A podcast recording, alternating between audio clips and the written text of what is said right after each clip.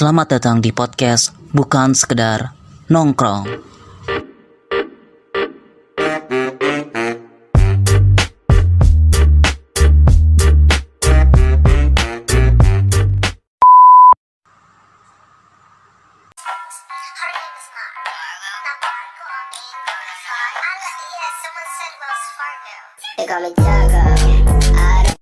Men, lu nonton apaan lu? Wah, nih buyung-buyung. Wah man, lu yang bener aja nih man.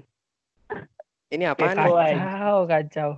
Kacau ini pasti. Lu, man, lu, tar dulu man, lu ngapain nonton Siku Challenge?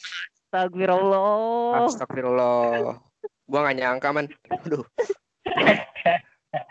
Kacau. Seru anjir, ini gue nggak ngerti kenapa logaritma searching gue jadi ada kayak gini-gini dan seru gitu. Kenapa ya? Uh, Seru lagi. Kamprut, kamprut ah. Kenapa ngomong? Lucu kalau lucu gitu, gemas.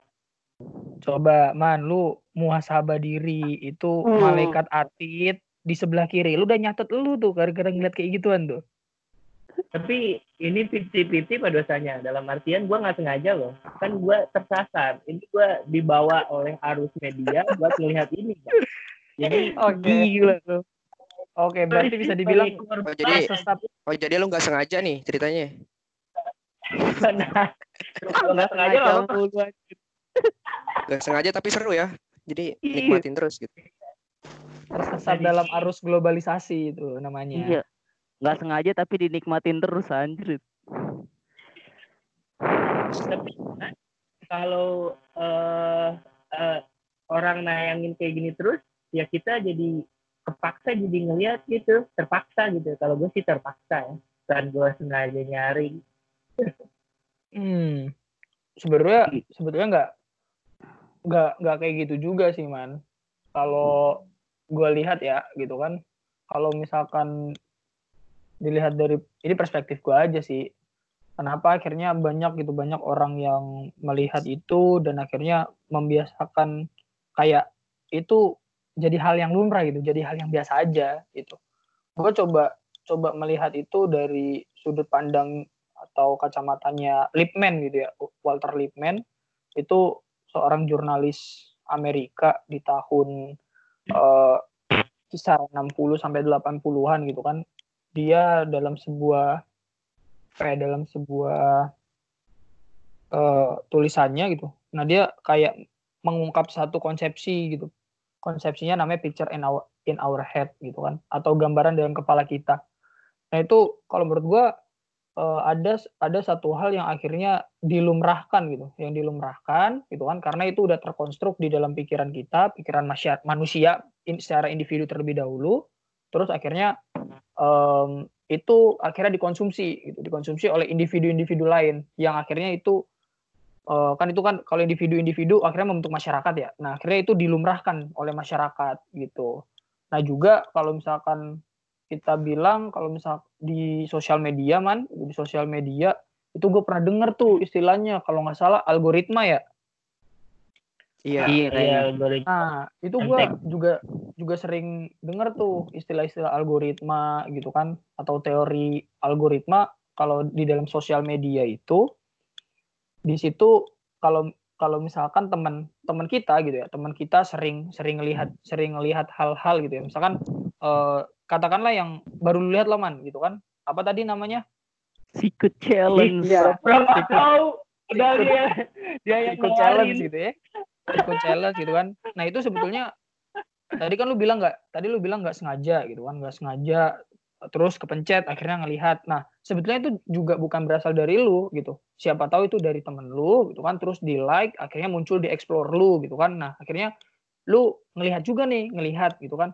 Nah akhirnya ketika lu ngelihat algoritma apa ya Instagram lu atau Twitter lu atau sosial media lu itu kebentuk. Jadinya kayak oh berarti eh, user Instagram kita user user Twitter misalkan yang ide yang ID-nya misalkan Suki- namanya Sukiman itu eh sukanya nonton kayak gini nah akhirnya muncul tuh di explore explore lu gitu kalau menurut gua kayak gitu Sebenarnya gini sih. 50 50 sih bener Sukiman. Iya. Jadi nggak bener nggak salah karena emang kita disajikan dengan seperti itu mau nggak mau kita menikmati. Ibarat gini, eh gue punya banyak gorengan ya kan Iya. di media sosial gue mau nggak mau gue harus menikmati itu. Padahal gue maunya yang lain, misalnya ketoprak dan dan lain-lain. Jadi kayak kita semua se- seakan-akan kayak dibuat eh, ini kan kita kan kita punya media sosial dan kita berhak memilih dong konten-konten yang kita mau. Tapi sistem itu udah ngebuat secara eh, mendasar bahwa sistem yang kita konsumsi itu harus itu, harus itu karena algoritmanya itu bermain. Jadi akhirnya masyarakat ya mau nggak mau harus menikmati itu. Itu yang Tapi nih ya, itu sih maksud Iya. gue yang yang sering yang sering ada di home home atau di eh, explore explore yang pasti di explore juga ada kan maksudnya atau eh, atau kalau di Twitter namanya trending ya biasanya ya. iya iya kayak gitu jadi kayak YouTube ya. kasusnya Iya. kayak YouTube kayak misalnya artis-artis gitu kan yang upload baru-baru eh, istilahnya kan logaritmanya langsung ke mereka jadi kita buka home itu kadang-kadang keluar gerbek Raffi Ahmad gerbek Sule langsung kan gitu jadi ibaratnya Betul. kayak giveaway, giveaway. iya makanya sekarang banyak itu youtuber youtuber lama yang istilahnya udah udah nggak bisa berkarya nggak kelihatan karena emang algoritmanya Hmm. di disuruh untuk ngelihat itu. Iya betul. konten benar, prank ya kan? Terus konten Tiba-tiba- apa lagi tuh? Tiba-tiba kita klik, waduh, Anya Geraldine semua, gitu kan? ya itu lo sih kayak. Karena sering banget tuh muncul Anya Geraldine di explore gua. Eh, Nah, tapi nih ya, nih Hmm. kan itu yang lo lo omongin abstrak banget ya algoritma dan segala macam itu abs- abstrak banget dan nggak nggak banyak masyarakat umum tahu gitu. Nah, gue yang pengen gue tanyain nih karena gue bingung banget se- sebenarnya gitu. Ini kenapa kenapa kayak macem oh sikut challenge terus kebodohan kayak jual keperawanan dan segala macem itu banyak banget di sosial media tapi tetap aja laris tetap tetap aja laku gitu. Sebenarnya masyarakat sekarang itu udah kayak gimana sih gitu. Gue bingung jadi kayak gampang banget terima-terima hal atau gampang banget memaafkan seseorang dan segala macem gitu. Iya. iya. Gua- sih. Eh, lu gimana man? Lu gimana man? kalau gua ngelihatnya eh, sebenarnya ini logaritma itu gua ngelihatnya dari sisi keilmuan yang gua pahami gitu sedikit yang gua pahami logaritma itu sebenarnya suatu hal yang baru dan sesuatu hal yang fenomenal banget di berbagai hal bahkan di kehidupan remeh-temeh maupun di kehidupan saintifik sekalipun karena kalau bicara tentang logaritma itu di ilmu sosial ya sekarang eh, itu kita bisa memprediksi bagaimana perilaku orang lain gara-gara logaritma itu sendiri. Eh, sebelumnya kan kalau sosiologi ya, kebetulan gua kan eh, mahasiswa jurusan sosiologi. Sosiologi itu kan eh, dasarnya itu salah satunya mempelajari masyarakat. Kenapa masyarakat melakukan A, kenapa masyarakat melakukan B. Itu dulu kan alatnya itu kurang. Dalam artian analisisnya nggak secanggih sekarang. Sekarang gara-gara ada algoritma, itu sosiologi atau bahkan ilmu-ilmu yang lain, ilmu sosial, ilmu politik itu bisa memprediksi kecenderungan orang sukanya hal ini, kecenderungan orang sukanya hal itu, dan itu bisa dipengaruhi loh. Misalnya Hmm. kayak kasusnya di eh, Facebook, bagaimana misalnya eh, ka- kalau kita punya media, misalkan gue punya Instagram, gue punya Facebook, ya gue jejel-jejelin aja tuh misalnya produk-produk iklan kampanye, tapi terselubung. Otomatis orang nanti buka explore dan dia melihat itu kadang-kadang dampaknya itu kecil tetapi sangat berpengaruh. Dan ini masuk ke fenomena yang di awal kita itu tadi loh. Jadi ketika lo buka explore langsung ada kayak gini dan itu langsung jadi konsumsi masyarakat. Dan Hmm. itu sebenarnya eh, apa ya eh, mungkin kalau logaritma Instagram gue nggak paham sih gimana logaritmanya. Tapi yang pasti mungkin karena banyak orang mengakses itu sehingga itu jadi trending dan naik ke berbagai ekspor orang atau mungkin karena historisitas kita gitu. Kita sering searching apa atau searching apa tahu-taunya jadi nyantol ke eh, itu kita. Cuman kan itu yang gue lihat ya dari eh, dari perkembangan masyarakat terutama di dari hal logaritma gitu jadi logaritma itu sebenarnya sekarang itu suatu hal yang keren, keren banget malah menurut gua karena itu bisa memprediksi perilaku orang sekaligus bisa mempengaruhi perilaku orang. Tapi kalau misalnya pemilik media jahat, dia misalnya pengen mempengaruhi opini publik, katakanlah lu presiden, lu mau nyalon presiden, terus Facebook jahat gitu kan, lu bayar Facebook biar masukin kampanye-kampanye lu di setiap explore orang yang ada di Indonesia misalnya, lu bayar sekian, dan itu ngaruh banget kan, itu Iya. benar-benar ngaruh. Iya itu kan? itu nyambung sama fenomena buzzer sih ya kayak sebenarnya hal-hal kayak gitu tuh udah apa ya udah menjadi hal yang selalu ada gitu maksud gua entah mau menuju pil politik entah mau eh, menuju pilkada itu pasti selalu ada tuh fenomena-fenomena gitu. Cuman gini sih gua ngelihat dari dari sudut pandang orang awam melihat eh, adanya fenomena itu. Jadi kayak ya itu pasti gue bilang ya ya itu hak mereka dong untuk mengepost segala macamnya untuk dia berekspresi untuk menjadikan tubuhnya itu sebuah komoditas yang dipertontonkan pun kita nggak ada masalah gitu kan. Cuman yang gue permasalahin kayak gini sih artinya sistem yang udah ada ya kan yang udah ada di media sosial itu itu terus-terusan eh, istilahnya bakalan saling terkait satu sama lain yang tadi lo sebut algoritma Nah, itu yang bakalan eh, membuat apa ya pola pikir masyarakat itu tetap terus ada di situ gitu. Nah, yang gua yang gua pikirin gini, maksudnya gua gua selalu apa ya, gua kan selalu ibaratnya melihat konten-konten yang kayak gitu kan. Maksudnya Waduh, yang sering ada di kacau. ya kan. Pengakuan mikir. Rajin kayak kan? rajin kayaknya rajin. gini, gue mikir gini, gimana kalau eh konten yang emang ada itu karena memang ada permintaan, ya kan? Ada maksudnya ada yang di ada permintaan gitu. Artinya ini bukan lagi soal eh, eksistensi, tapi ini udah masuk ke ranah ekonomi, maksudnya ke ranah bisnis lah istilahnya.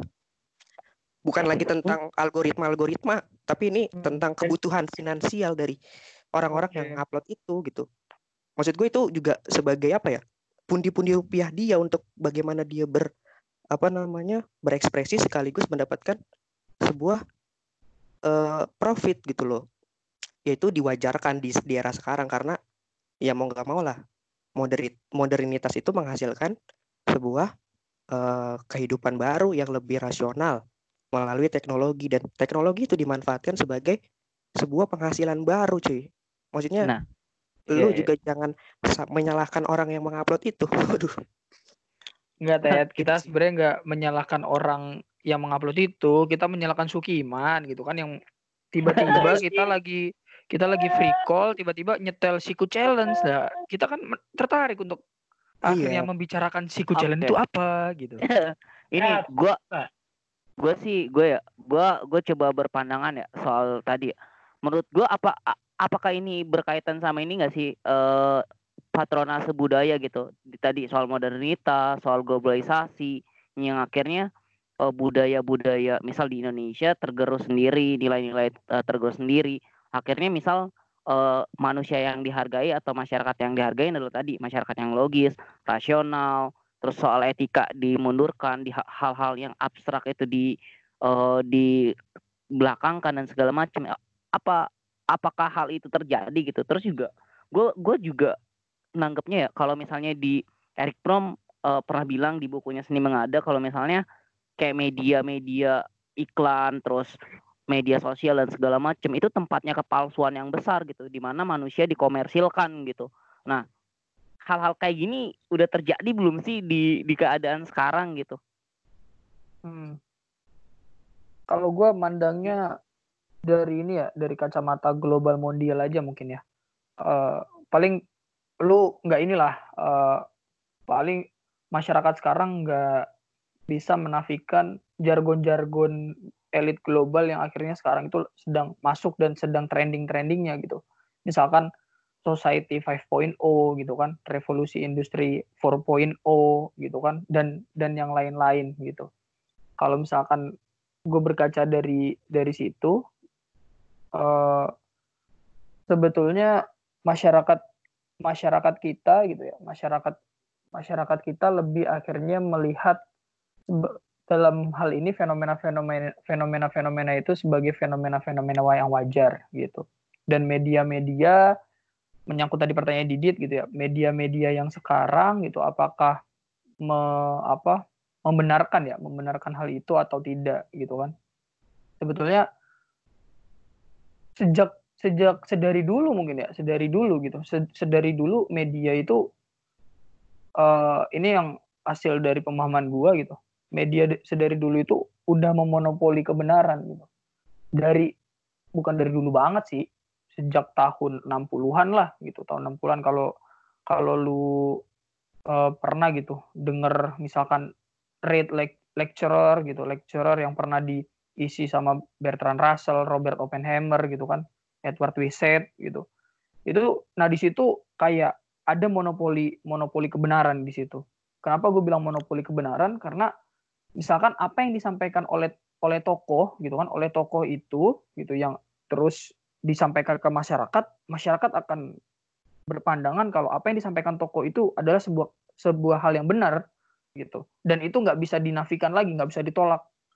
Nah apa relevansinya relevansinya hari ini gitu? Media hari ini nggak berubah gitu. Kebenaran kebenaran sebagai kebenaran itu menurut gue bukan bukan sebagai komoditas lagi kayak yang tadi dibilang Teddy. Tapi lebih kepada tren gitu kalau misalkan sekarang yang booming yang booming lagi suki, siku siku challenge nih lagi siku challenge gitu kan. Em, ya itu terserah yang mau nilai gitu. Yang misalkan dari pihak kanan nilainya itu salah gitu kan. Karena itu ber eh, apa berbenturan dengan nilai-nilai misalkan nilai-nilai nilai agama nilai-nilai agama atau nilai-nilai konservatif dan lain-lain. Kalau yang misalkan orang-orang yang sebelah kiri misalkan bilang ya udah nggak apa-apa itu kan kebebasan dan lain-lain. Semua orang berhak kayak eh, berekspresi dan lain-lain gitu kan. Tapi di satu eh, kalau pandangan gua gitu ya pandangan gua lebih ke arah bagaimana masyarakat pada umumnya itu bisa menyikapi hal-hal hal-hal yang semacam ini dengan bijak gitu. Karena kalau hal-hal ini semakin semakin apa ya semakin di apa di dibiarkan gitu. Malah gue takutnya kayak ada semacam apa deviasi lah. Deviasi yang benar-benar di- dibenarkan gitu. Penyimpangan yang dibenarkan gitu. Kalau menurut gue itu ya dari dari perspektif secara global sampai ke akhirnya bagaimana eh, masyarakat melihat melihat itu sebagai kewajaran gitu gua mungkin melihat perspektif itu ya. Gua melihat eh, seperti Karl Marx bilang kalau dia bilang agama itu candu kalau gue bilang media sosial itu candu. Berat nih berat. Karena karena media sosial itu meninabobokan orang-orang agar dia tidak melakukan istilahnya gerakan sosial yang eh, ber- untuk menciptakan keadilan, Pak. Misalnya nih, gue kasih contoh media sosial. Kenapa dia bisa jadi candu? Misalnya kita suka lihat konten-konten yang orang kaya eh, beli mobil kah, atau orang kaya nyobain ini, orang kaya biasanya beli di YouTube ya hal ya di YouTube dan lain hal dan eh, masyarakat itu jadi konsumsi publik dan konsumsi masyarakat pada umumnya ya udah mereka menikmati hal itu menikmati eh, semboyan-semboyan yang ada di media sosial dan menindakbobokan jadi gue ngelihat media sosial itu sekarang itu jadi semacam pelarian gitu. Semacam pelarian dari eh, kehidupan nyata bergerak ke media sosial. Terus kalau bicara tentang apa namanya media sosial sekarang eh, yang ngeri sebenarnya gue mungkin agak kurang setuju sama si Maul ya yang mengatakan sama aja menurut gue justru perubahannya itu gede banget dari tahun 1990-an justru sekarang media sosial itu menurut gue menjadi fenomena yang eh, bisa dibilang kalau gue pribadi ya internet itu mungkin bisa kayak eh, revolusi industri yang gara-gara mesin uap.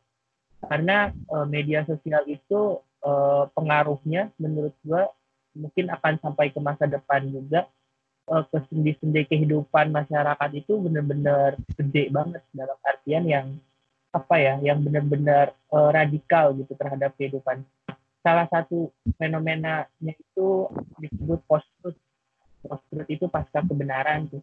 Jadi kebenaran itu kabur gitu di masyarakat.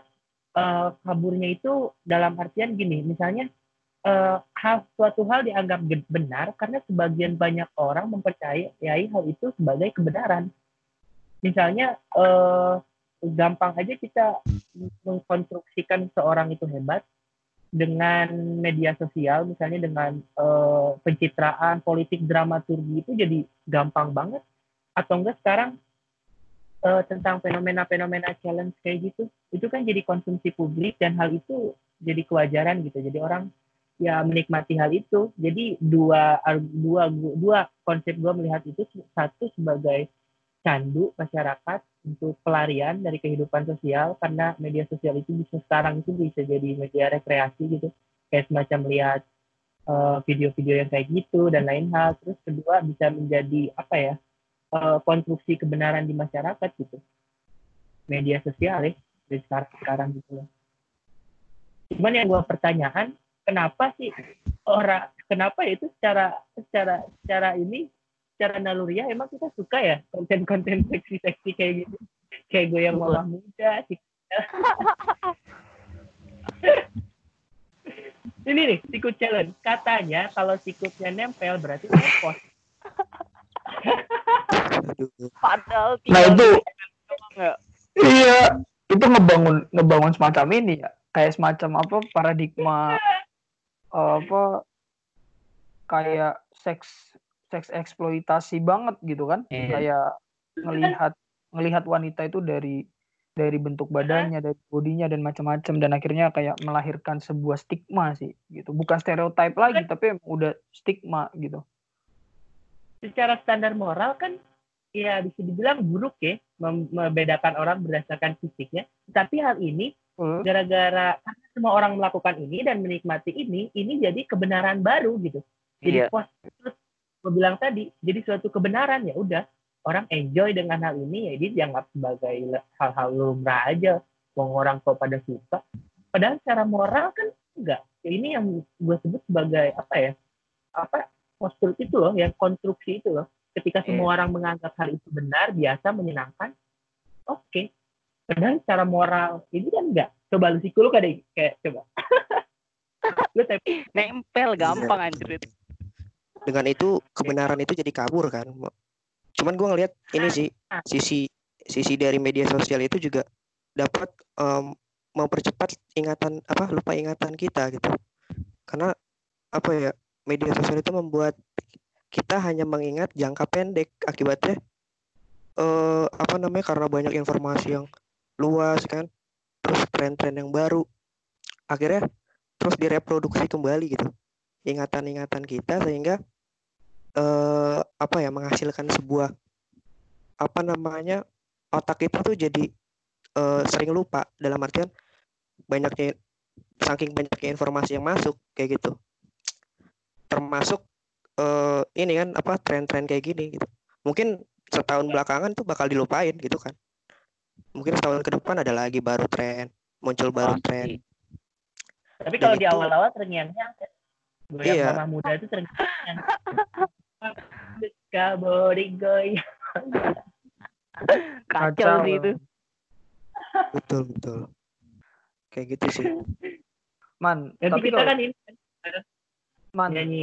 Tadi kan lu coba ngomong ini ya, coba ngomong standar standar moral yang ada di masyarakat misalkan kan dalam hal ini bagaimana akhirnya masyarakat menilai sebuah objek gitu kan, menilai sebuah objek gitu. Ya kita kita analogikan objek itu misalkan ya kayak tadi lah kayak video-video kayak tadi gitu kan yang akhirnya seharusnya itu kan menjadi bagian dari seks eks- seks eksploitasi dan yang lain-lain gitu kan. Tapi kalau misalkan berbicara tentang standar moral, apakah apakah dalam keadaan yang sekarang gitu kan, kalau orang-orang menyebutkan menyebutnya kan kayak postmodernisme gitu ya, atau post truth gitu kan, kebenaran itu ya eh, ada di siapa aja, kebenaran itu subjektif gitu. Nah, gimana sih cara ngelihat akhirnya eh, dalam dalam hal ini semacam kayak terbentuk lagi kayak universalisme gitu nilai-nilai nilai-nilai baru gitu atau nilai-nilai yang eh, dipercaya oleh semua masyarakat gitu. Gua ya gua gua nih ul kalau Boleh, gua boleh. gua tadi memandang pandangan lu semua ya gua sepakat banget kalau misalnya media sosial akhirnya menciptakan moralitas ganda di mana eh, ada tadi yang lu bilang lah di mana ada orang yang eh, suka dengan ini ya mereka meyakini itu benar dan mereka ada yang satu suka dengan yang lainnya dan mereka menyatakan benar akhirnya moralitas ganda gitu akhirnya kebenaran tidak berpihak pada satu satu atau dua orang tapi dimiliki oleh beberapa orang dan dikuasai oleh kelompok-kelompok tertentu gitu.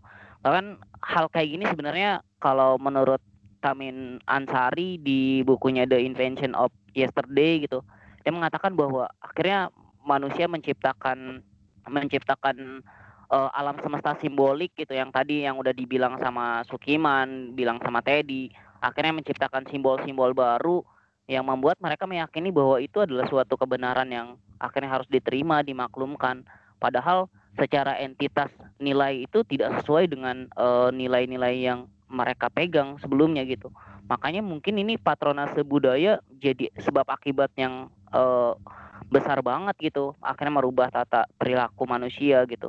Cuman yang gue pikir nih ya, maksud gue yang gue pikir, lu dengar gak sih kasus yang Facebook gitu, yang Facebook yang dia diboikot sama 100 eh 100 sekitar seratusan perusahaan karena dia tidak tidak apa ya tidak menghapus eh, video-video yang berbau seks atau juga eh, informasi yang hoax dan berbau kebodohan dan segala macem gitu.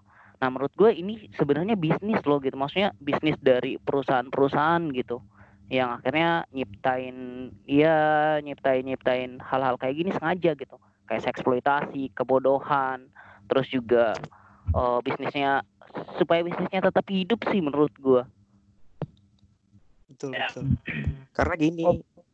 apa ketika udah ada beberapa kelompok yang istilahnya udah nguasain eh, apa namanya ekonomi gitu kan, dia bisa nguasain semua kehidupan gitu, semua sektor Wah, kehidupan itu kata gokil. Marx. Makanya betul betul. kenapa sekarang semua media itu jadi ajang untuk apa ya? Mencari profit. Artinya dibisniskan. Ya karena memang ketika orang udah berhasil menguasai ekonomi dia juga ingin menguasai seluruh kehidupan gitu loh. Makanya ilmuwan sosial itu memandang media itu pesimis. Artinya eh, bakalan terjadi entah itu degradasi moral atau segala macam atau memperburuk demokrasi. Karena menurut gua adanya media sosial itu itu tadi diambang batas nih maksudnya. Karena kebanyakan informasi dan lain sebagainya kita tidak bisa istilahnya eh, menstop sebuah konten atau menstop sebuah eh, apa namanya berita dan itu terus terjadi secara terus menerus sehingga itu antara kebenaran yang benar menjadi kabur. Artinya eh, sebuah kebenaran itu tidak bisa benar-benar objektif gitu loh memandang kebenaran. Itu yang dibilang tentang postmodern. Jadi wajar lah maksudnya media sekarang udah mengarah ke bisnis karena ya dia udah berhasil eh, ke ekonomi dia mau berkembang lagi ke sektor kehidupan lain ya kayak misalnya Iya iya. tadi Instagram dan lain-lain. YouTube pun sekarang menjadi ajang ini loh profit profit uang ya kan? Iya makanya Sepakat sepakat gue sepakat. makanya sekarang udah lo nggak bisa ada harapan lagi untuk gimana akhirnya lo mencari alternatif media yang benar-benar independen yang benar-benar baik buat lo baik buat negara lo. Karena media diciptakan untuk itu untuk apa namanya akhirnya berprofit kepada bisnis tadi dit gitu. Iya. Iya Sebenarnya Em, kan sumber kehancuran manusia itu adalah keserakahan tak Iya. kabur tak kabur Jadi Eh. ketika niatkan untuk ekonomi, kadang-kadang kita melibas standar moral apa pun hanya untuk uang dan itu sumber kehancuran manusia. hmm, Kan gue jadi Iya, iya. kan? tapi Iya. tapi lu gimana memandang media sosial sekarang maksudnya lu optimis kah dengan eh, media sosial sekarang atau justru pesimis nih menghadapi ini maksudnya masa depan media sosial nih kita kan bakalan hidup lebih lama lagi gitu kan apakah kita bakal memaklumkan hal ini terjadi atau seperti apa? Oke, gua gua paling ya. Kalau gua sebetulnya awal ya, awal kapan ya? Paling 2019 awal gitu kan, 2019 awal itu gua m- adalah orang yang paling optimis gitu kan, orang yang paling optimis ngelihat eh, media sosial gitu kan, atau khususnya YouTube itu bisa jadi berkembang, jadi sebuah platform yang itu bisa mengedukasi kita gitu. Apa yang kita cari misalkan nggak yang nggak ada di TV kita bisa nyari di situ. Dan itu bisa menjadikan bahan pembelajaran buat kita gitu. Khususnya buat anak-anak kuliah tapi semenjak YouTube ini kayak dikomer dikomersilkan gitu kan dikomersilkan dalam artian ya banyak-banyakan viewers banyak-banyakan subscribe dan lain-lain gitu kan akhirnya ngebuat konten kreator konten kreator itu bertindak semaunya dia demi mendapatkan uang demi mendapatkan keuntungan gitu. Misalkan ya lu eh, apa lu semua tahu lah gitu kan gimana ulahnya siapa namanya tuh? Siapa tuh? Eh Ferdian Paleko ya Paleko Pak? Maleka, Oh. Maleka. oh iya Ferdian Paleka Paleka. gitu kan itu kan eh, bikin konten bodoh gitu kan konten bodoh yang akhirnya bikin viral gitu kan viral dan akhirnya em, viewersnya banyak gitu kan nah dia itu cuma mengincar kayak gitu gitu kan mengincar prank gitu kan kayak bikin prank bikin sensasi dan lain-lain gitu yang akhirnya konten-konten yang ada di YouTube sekarang ya isi-isinya kayak gitu gitu. Isi-isinya kayak siku challenge gitu kan. Kalau dulu tuh ada turun naik challenge yang di react bro brogor gitu kan. Nah itu kan seru loh. ya kalau kalau kita ngelihatnya sih ser ya memang seru. Ya gue nggak bisa menafikan. Gue nggak munafik orangnya emang. Itu seru kalau dilihat. Tapi akhirnya esensi esensi esensi yang akhirnya kita mau cari gitu kan kurang gitu. Kayak pertama kurang gitu kan dan yang memang sekarang banyak banget di apa yang dilihat gitu ya yang diincer sama anak-anak gitu kan. Bukan anak-anak yang kayak kita ya kalau kita kan memang udah tua-tua gitu kan. Maksudnya yang masih umur-umur seumuran enam tahun sampai 10 tahun itu kan udah sekarang udah bisa ngelihat YouTube Iya, gitu kan. udah kayak orang tua kan ngebebasin aksesibilitas dia buat megang HP dan lain-lain akhirnya dia megang YouTube gitu kan. Misalkan tanpa pengawasan orang tua misalkan gitu kan tiba-tiba ke apa kepencet gitu kan sikut challenge gitu kan tiba-tiba dia praktekin nah kan nggak lucu gitu kan. Kalau menurut gue gitu kayak YouTube sekarang udah YouTube atau media sosial sekarang udah dijadiin lahan gitu kan. Lahan pendapatan atau lahan profit yang akhirnya itu bukan bukan lagi sebagai komoditas menurut gua Ted gitu. Tapi itu sekarang udah jadi udah jadi tren gitu. Iya sih. gue ngeliat gue ngeliatnya kayak gitu standar moral apa sih sebenarnya yang mesti kita pegang gitu selama di dalam katakanlah eh, bermedia sosial di di masyarakat? Karena menurut gua standar moral itu eh, kabur. Apalagi kan media sosial itu kan menggabungkan semua orang gitu di dalam satu platform media. Dan semua orang itu kan punya latar belakang yang beda-beda. Entah itu dari agama entah itu dari keluarga dan lain menurut gue sih yang paling penting itu kita mesti punya standar moral universal yang eh, bisa dipegang oleh semua orang gitu. Untuk apa ya? Sehingga bermedia sosial itu menjadi setidaknya tidak tidak apa ya? Tidak melanggar eh, hak asasi orang lah. Cuman yang jadi pertanyaan kalau konten-konten ya gue bilang mungkin konten-konten apa ya orang kadang bilang konten sampah konten bodoh atau konten apa yang kontraproduktif. Menurut kalian salah sih kayak gini sih? Melanggar standar moral gitu misalnya katakanlah konten-konten apa ya yang eh, sikut jalan gitu kan atau yang mama muda dan hal yang mengekspos aurat ya aurat gitu kan. Standar moralnya gimana sih anjir kayak gitu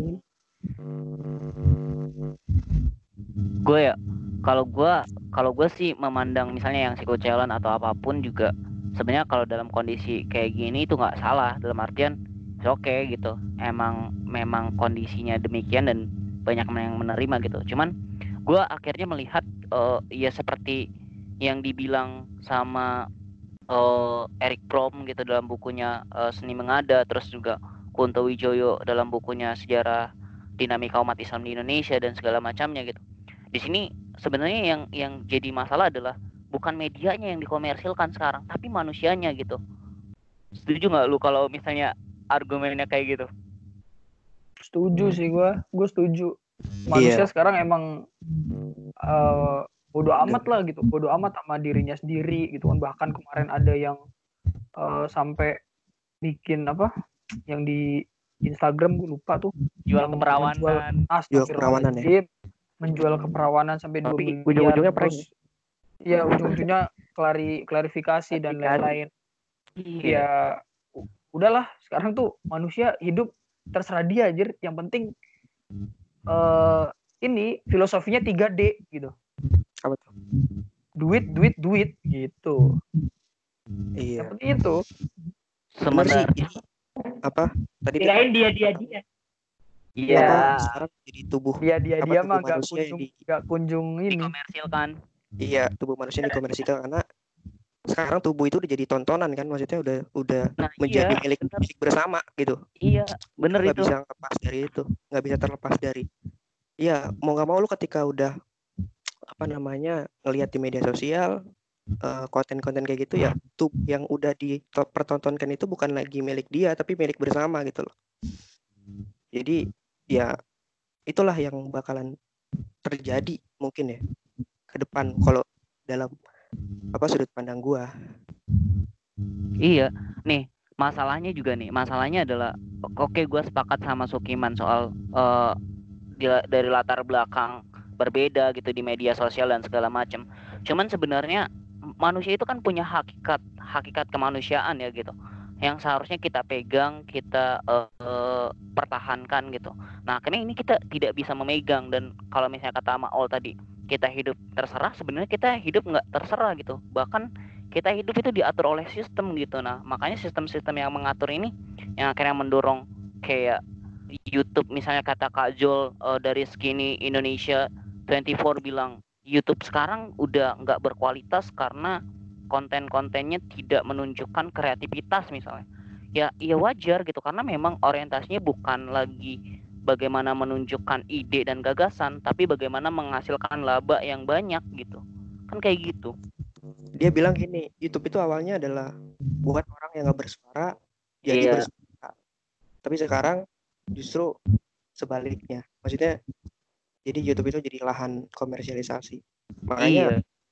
namanya konten kreator konten kreator yang istilahnya punya apa namanya kapabilitas karena sistem yang ada jadi tidak terlihat kayak gitu. iya.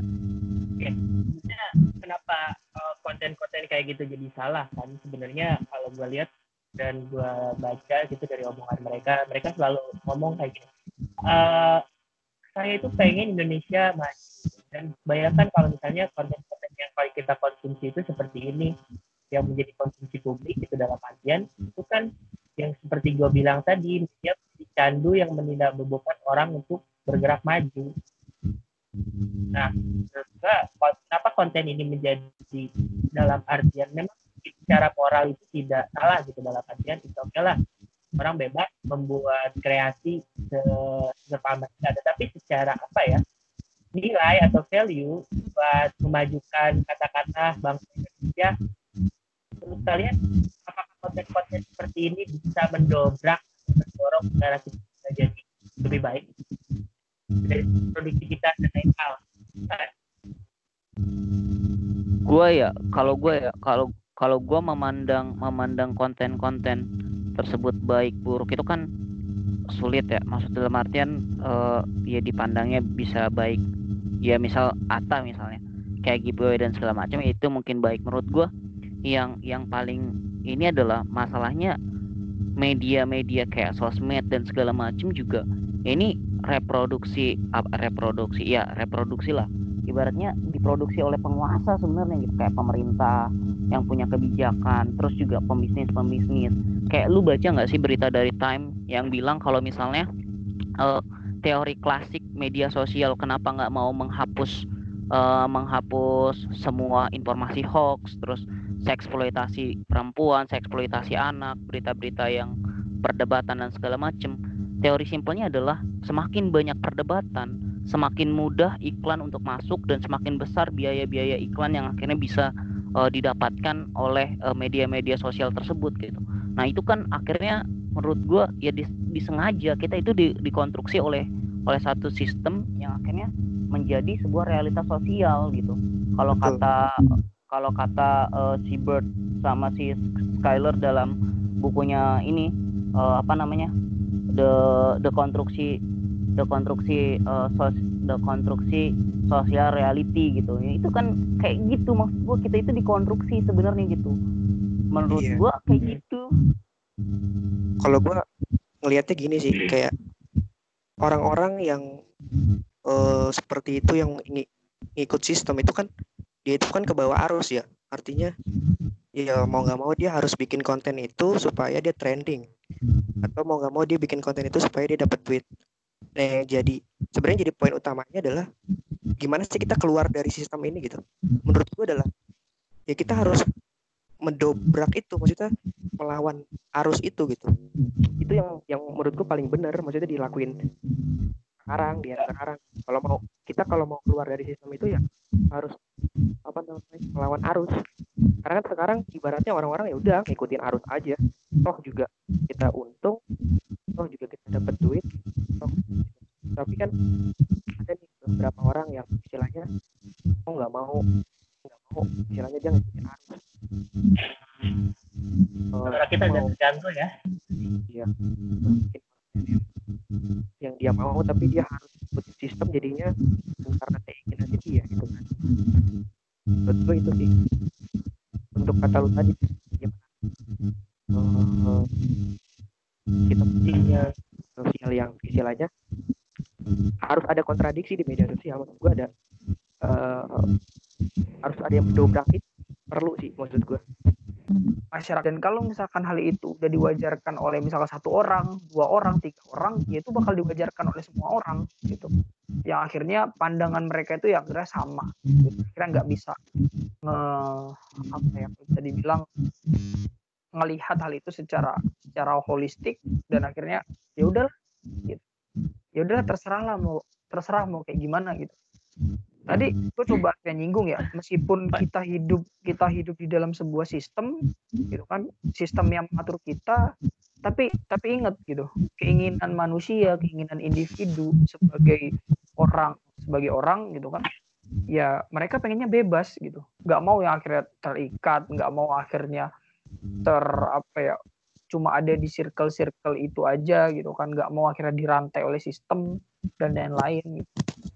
kalau dari gua itu mungkin oke gimana man menurut lu man Apa nih? Semuanya Masa ya depan. dari semua iya dari semua yang terjadi di antara media sosial dan lain hal. Jadi kalau gua gimana ya lihatnya?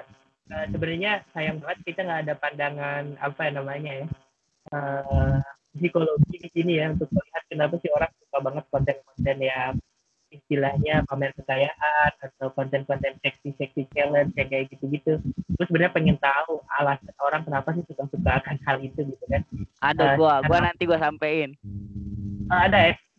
ada gua kayak gue penasaran sih dalam artian eh, ini kan kayak gini itu kadang trending ya dalam hal di masyarakat apalagi video-video itu kan menurut gue artis bikin hal itu kan sesuai keinginan yang artinya keinginan eh, pasar gitu kan. Jadi pasar menikmati hal itu. Dan itu sebenarnya gue lebih penasaran secara itu aja sih.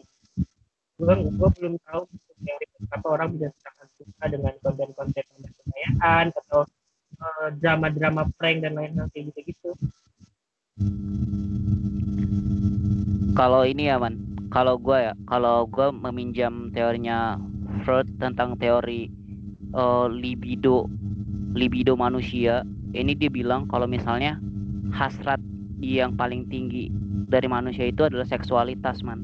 Jadi ketika manusia disuguhkan dengan hal-hal yang berbau seks berbau ini ya mereka akan menikmati. Apalagi di buku Krishna Sen itu tentang eh, kuasa media film politik masa orde baru. Itu juga eh, sengaja gitu film-film masa orde baru kayak dulu masa-masa orde baru film seks eksploitasi itu paling laku man gitu di masyarakat Indonesia karena masyarakat Indonesia cenderung eh, masyarakat yang eh, tergolong eh, lebih percaya hal-hal yang eh, ibaratnya eh, apa ya berbau seksualitas supaya tidak memikirkan hal-hal yang politik supaya tidak peduli dengan kebijakan-kebijakan pemerintah gitu. Nah hal ini juga yang dikonstruksi di sosial media sekarang gitu. Makanya masyarakat sekarang kayak nih misalnya ih nih tante Erni nomor satu bangsa dan segala macem gitu. Nah itu itu kan akhirnya dikonstruksi sendiri gitu karena memang manusia secara hasrat sudah sudah sangat dekat dengan seksualitas. Misal ya kayak lu lihat di di narasi TV eh, di narasi pernah bilang kalau misalnya selama karantina ini kayak simbol emoticon persik sama terong itu meningkat tajam kan di di WhatsApp gila kan gitu. Ah iya iya. Itu kan Parah, akhirnya parah. itu kan akhirnya nunjukin wah anjir gitu selama ini ngerasa nggak bisa ngapa-ngapain akhirnya ya ngirim-ngirimin eh, chat berbau seks atau apa pun gitu. Nah itu yang akhirnya menurut gua eh, terjadi juga di masyarakat sekarang gitu. Jadi ya karena melihat hal-hal itu dekat akhirnya yang punya bisnis yang memanfaatkan itu gitu. Nah kalau gue pribadi ya memandang masa depan memandang masa depan eh, media sosial itu gue memandang dua hal.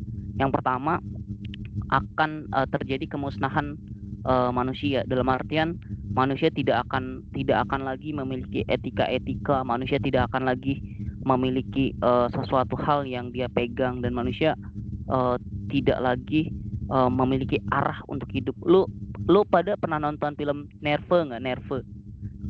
Itu tahun 2000 2016. Enggak, enggak, enggak. Belum Nah. belum belum. di film itu di film itu persis banget keadaannya sama sekarang man nah di film itu jelasin satu cewek cupu dia nggak ngerti apa-apa dan segala macem tapi akhirnya dia main aplikasi namanya Nerve aplikasi itu kayak kayak apa ya kayak Bigo lu tau nggak Bigo yang kalau misalnya dikasih like terus kayak dapat koin dan segala macem. Oh, Nah, kan bisa terus- pakai.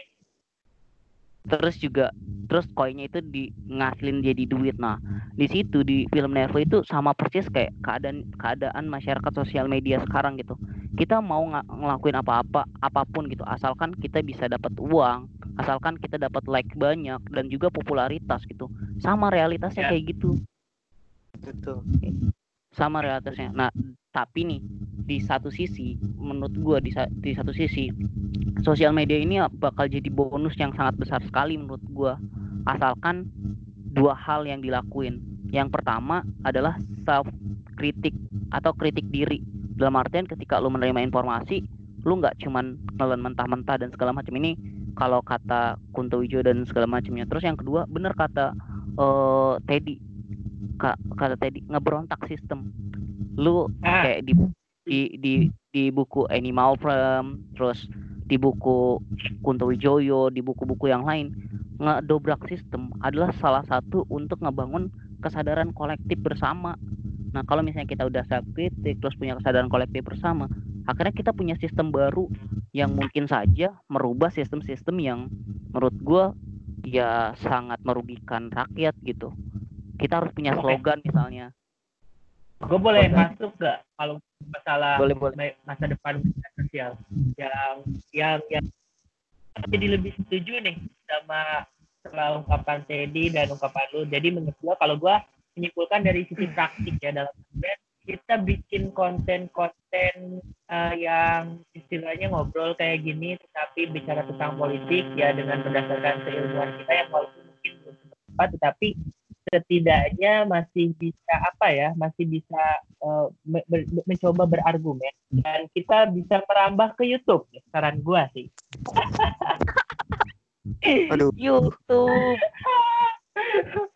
Jadi kita mengcounter gitu kan jadi istilahnya it's okay lah eh, tidak ada mungkin belum ya dalam artian jadi kita bicara tentang kayak gini kayak gini kan eh, ada manfaatnya juga buat kita dan mungkin ada manfaatnya buat orang lain gitu kan eh, lu lu harus inget kata Ernest kata Ernest lu jangan terlalu sering ber lu ja- jangan terlalu sering berharap untuk menjadi sesuatu yang besar dalam YouTube karena sistem YouTube itu selalu berubah.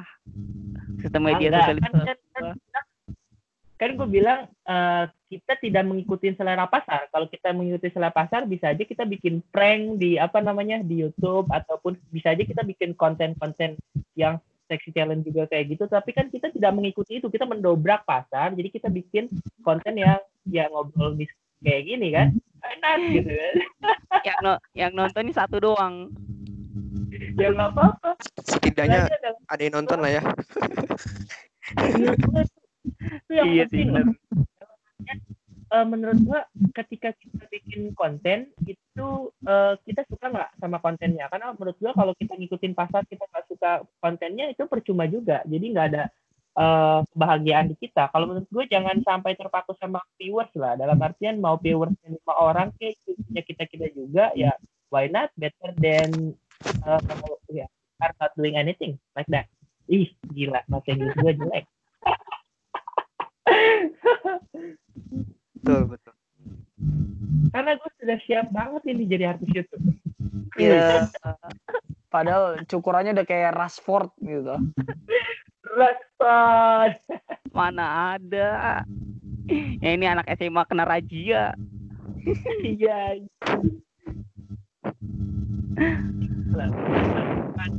Ideality menurut gue harus diisi dengan konten-konten yang tim tetapi ya berguna karena menurut gue kalau konten-konten yang serius kayak asumsi ya bikin konten-konten serius viewersnya nama yang dikit tetapi memang selalu ada penikmatnya gitu. dalam artian dia nggak ngikutin selera pasar ya walaupun pasar istilahnya eh, mungkin suka klik-klik suatu hal yang istilahnya seksi atau suatu hal yang fenomenal tetapi eh, media-media misal kayak eh, asumsi gue bilang dia masih tetap konsisten dengan apa namanya dengan eh, apa yang dia tawarkan gitu ya salah satunya edukasi walaupun peminatnya dikit gitu. Ya. Ya. Oke, oke. Oke. Setelah kita ngomong panjang lebar gitu kan ya tentang eh, apa tadi? Siku challenge gitu kan, sexploitation, post modern, post truth, terus kita ngeledekin lagi-lagi di po- di podcast kita kita ngeledekin negara gitu kan. So, eh, what's the point buat akhirnya apa ya biar akhirnya teman-teman yang ngedenger gitu biar akhirnya sadar dan akhirnya konten-konten yang berkeliaran sekarang itu bisa semakin baik lah gitu gimana kalau dari dari lu dulu dit Kalau bagi gua ya, bagi gua yang paling penting dari sekarang itu ya lu harusnya tahu esensi lu jadi manusia itu apa. Dalam artian lu harus tahu lu itu ngapain gitu. Lu itu apa sih gitu. Jangan sampai akhirnya kayak misal perempuan nih. Perempuan dulu itu udah dibebasin dari perbudakan, dari pelecehan dan segala macam, tapi di kondisi sekarang malah melecehkan diri sendiri. Itu yang akhirnya kan nggak tahu hakikat hakikat dia sendiri gitu. Nah, itu yang menurut gua eh, harusnya dia paham tentang nilai-nilai universal yang harus dimiliki sama diri dia sendiri karena menurut gua ya sosmed menawarkan popularitas, sosmed menawarkan laba yang cukup tinggi. Ya kalau misalnya kita sudah terjun di sana, kita menjadi manusia komersil di sana, ya sudah kita tidak tidak bisa bebas begitu saja untuk meninggalkan dia. Benar kata Sukiman. Karena sosial media akan candu, akan terus terus menerus menagih eh, kita untuk terus menggunakannya, untuk memainkannya gitu. Intinya adalah lu harus tahu bagaimana hakikat kemanusiaan lu baru lu pengen dah bermain sosial media terserah lu kayak gimana gitu. Cuman pahami dulu hakikat kemanusiaan lu sendiri kayak gitu. Oke. Kalau dari lu gimana man? Poin malam ini yang bisa kita petik.